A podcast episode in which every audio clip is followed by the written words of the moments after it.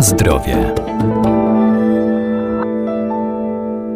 Co kryje w sobie żywność, którą kupujemy? Możemy to sprawdzić na etykietach. Tam muszą być wymienione wszystkie składniki użyte w procesie technologicznym, w tym dodatki do żywności. I choć wszystkie są dopuszczone do stosowania, to ich nadmiar może wywołać różne reakcje, dlatego są stale badane.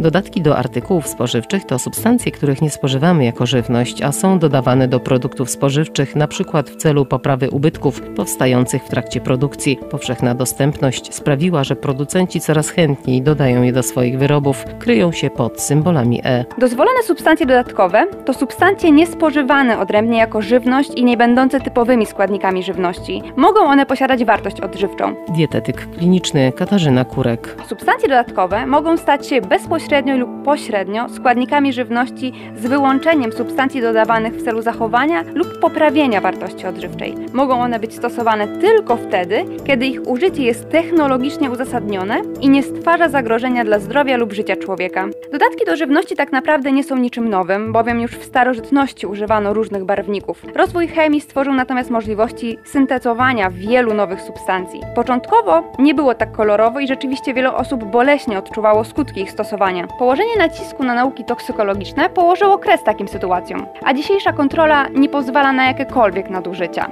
Takie pierwsze dyrektywy i nowelizacje sięgają lat 60. ubiegłego wieku, kiedy to powołano w Europejskiej Wspólnocie Gospodarczej Komitet Naukowy do Spraw Żywności. Uzyskanie jego aprobaty, poprzedzonej licznymi badaniami, pozwalało na wprowadzenie do użytku ogólnego danej substancji dodatkowej. Obecnie w Europie obowiązuje rozporządzenie z 2008 roku, a w Polsce jeszcze dodatkowo z 2010 roku wydane przez Ministerstwo Zdrowia. Zgodnie z obowiązującym prawem, dodatki do żywności po pierwsze muszą spełniać wymagania bezpieczeństwa żywności, po drugie ich użycie musi być uzasadnione, po trzecie musi być możliwa kontrola, po czwarte istnieje obowiązek odpowiedniego etykietowania ich i po piąte istnieje obowiązek wyznaczania wartości ADI, czyli dozwolone dzienne spożycie. Ponadto w rozporządzeniu ministra zdrowia znajduje się również wykaz maksymalnych dawek, jakie mogą zostać użyte w danym produkcie. Prowadzony jest monitoring spożycia dodatków do żywności i właśnie na jego podstawie Europejska Agencja do Spraw Bezpieczeństwa Żywności koryguje co jakiś czas wartości ADI. Jeśli okaże się, że dana populacja spożywa zbyt dużo danego dodatku,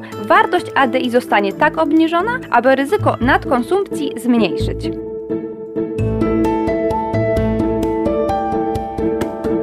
Na zdrowie.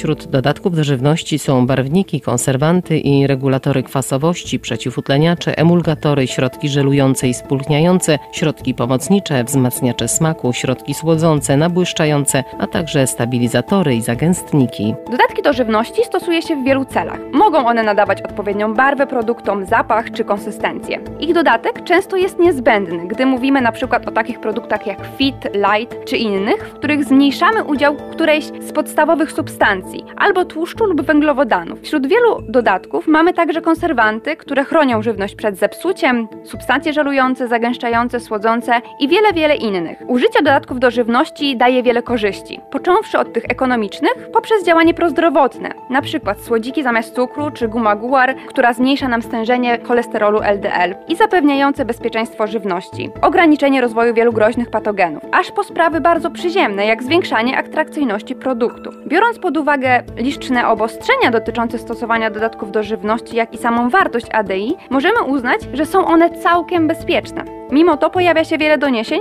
o szkodliwości substancji dodatkowych. Natomiast po powyższej analizie nie powinniśmy mieć wątpliwości, że dodatki do żywności są bezpieczne. Nie znaczy jednak, że możemy bezkarnie sięgać po produkty przetworzone. Zawsze na pierwszym miejscu powinniśmy stawiać naturalność produktu i starać się przygotowywać posiłki od podstaw. Współczesna piramida potrzeb może jednak mocno utrudniać takie postępowanie. Wtedy zaleca się sięgać po gotowe produkty z głową i, i zwracać uwagę na skład tych produktów. Mnogość dodatków stwarza stwarza ryzyko, że na przykład produkt o smaku truskawkowym nie będzie miał w składzie żadnych truskawek. Ponadto nie powinniśmy także przesadzać z fosforanami w diecie, co i tak jest bardzo trudne nawet bez dodatków. Lepiej jest bazować na świeżych produktach niż na tych zawierających konserwanty.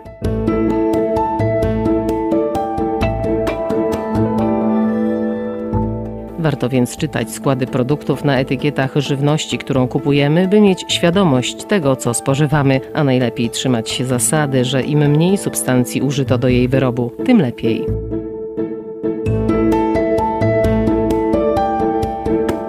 Na zdrowie.